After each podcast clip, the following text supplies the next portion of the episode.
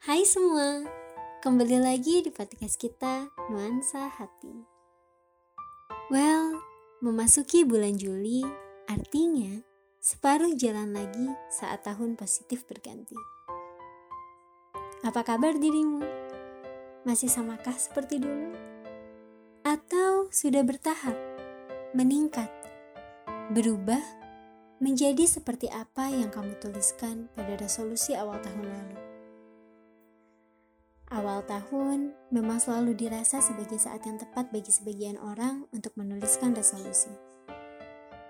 Gak salah memang. Kadang untuk mencapai cita-cita atau target diperlukan momentum. Namun kini sudah setengah jalan kita lewati di 2020. Banyak hal di luar kuasa kita terjadi. Banyak hal yang membuat resolusi hanya sebatas resolusi satu halnya, mungkin kamu lupa. Lain halnya, mungkin kamu terlalu malas mewujudkannya. Ya, pertengahan tahunlah yang selalu dirasa sebagai waktu menyerah pada resolusi. Udah deh, tahun depan aja mulainya. Terlalu banyak yang gak dicapai. Mulai nanti, hidup ngalir aja. Hei, mana semangat itu?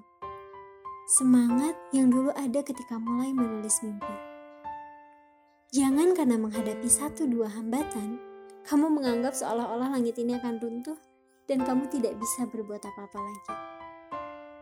Tidak, masih ada waktu. Selalu ada kesempatan.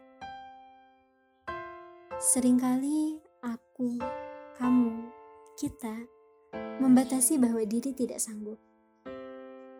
Ternyata kalau udah dijalani bisa-bisa aja santai-santai aja, kuat-kuat aja.